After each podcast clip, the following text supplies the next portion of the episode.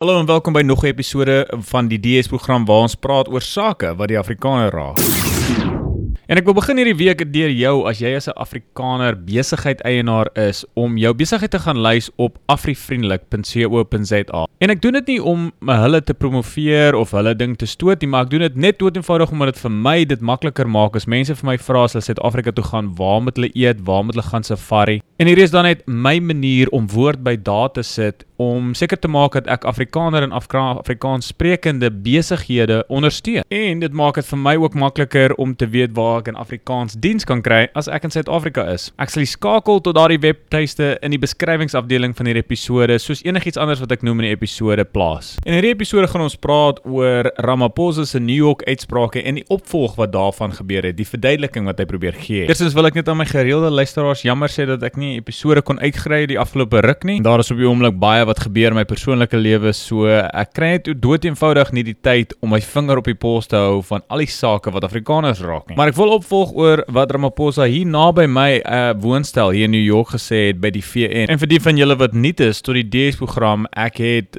daardie episode in Oktober 24ste het ek die episode gedoen waar ons oorspronklik gepraat het oor wat Ramaphosa gesê het. En nou vandag lees ek hierso dat Pieter Groenewald hom aangevat het in die parlement daaroor. Meneer Groenewald het vir Ramaphosa gevra om sy stellings te verduidelik en om om verskoning te vra. Nou Ramaphosa het glad nie om verskoning gevra nie en hy het gesê wat hy bedoel het was dat wit en swart inwoners van plase vermoor word en toe noem hy ook dat hy nie die saak parochiaal wil hanteer. En daai woord het by my vasgesteek, parochiaal. Dit klink nogals, ek weet nie of dit 'n anglisisme is nie. Ek gaan eintlik vir die mense van Viva vra of parochiaal die regte woord is, maar in Engels parochial wat beteken nou denken. En dit was my spesifiek interessant want toe hy die uitsprake gemaak het aan Bloomberg TV, die oorspronklike uitsprake, was daar nie juis spasie vir nuance of parochialiteit nie. Daar was net gesê dat daar is nie moorde nie. So daar is vir my 'n tipe van 'n disconnect daarso tussen parochialiteit en eentonigheid en nou denkenheid wat Ramaphosa in New York gedoen het en nou vra hy in die parlement dat ons dit nie moet doen nie. So watter een is dit nou? Maar kom ons raai na die kommentare hierso aanlyn en sommige hou vol hy het homself net weer spreek. Hy, hy was onder druk en hy het oor sy woorde geval. Maar tog het dit so ongevoelig voorgekom en Erns Roots het self op sy nuwe YouTube bladsy. Ek wil aanmoedig dat julle gaan kyk daarso 'n inteken na sy YouTube bladsy. Hy het voorgeles vir Ramaphosa uit die Kill the Boer boek. Sy onlangse boek het hy uitgereik. En op daai onderwerp, ek is self besig om nou hierdie Kill the Boer te lees. Ek sal vir julle 'n uh, tipe van 'n resensie hierso by mekaar slaan en dit op die DS program as 'n episode uitreik. Roots en ander mense stoot baie om druk op die regering te plaas om plaasmoorde 'n prioriteitsmisdaad te maak. En tot dusver het hierdie versoek nog net op doewe ore geval dit is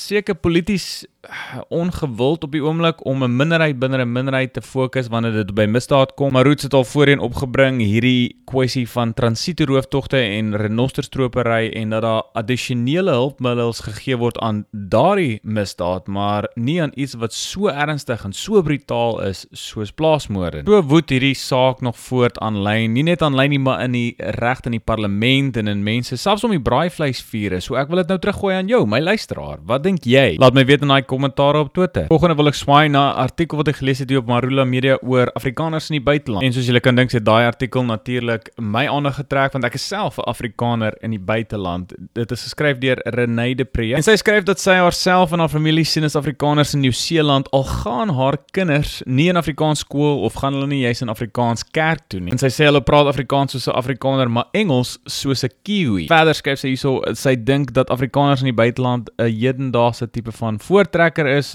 wat net soos voortrekkers van ouds nie kon saamleef met die onderdrukking van die Britte in die Kaap nie en die harde binneland in haar geval die buiteland gaan verken het. So gaan ons skrywe aan en ek kon nie help om myself te vereenselwig met haar waardering vir hierdie Afrikaner kultuur en identiteit nie. Selfs op Morula Media het hierdie artikel of hierdie geskrywe ewige kommentaar ontlok en eh, 'n uh, persoon wat wegkruip agter die skuilnaam Boerseun sê dat die kinders met kiwis gaan trou en die kleinkinders nie Afrikaans sal praat. Hy sê dat die vrou wat die artikel geskryf het net weghardloop en dat Afrika haar en haar familie sal vergeet. En dan noem hy ook heel snedig dat sy die Afrikaners in Suid-Afrika moet uitlos en dat hulle na oom Paul sal omsien. Ek sien hom seker wat dit beteken nie. Dis 'n ander ou Philip Groen, hy sê weer die voortrekkers het nie die binneland ingetrek getrek omdat dit veiliger en finansiëel meer aanloklik was nie. Die teendeel was eintlik waar hulle het getrek omdat hulle karakter en waardes probeer behou het en om jouself 'n voortrekker te noem is totaal absurd. Laastens sê Leonardo hierso dis 'n mooi brief, maar helaas, so die Afrikaners in Patagonië na die Anglo-Boeroorlog ook waarskynlik gevoel, maar na soveel jare is daar skaars enigsins van die Afrikaners daar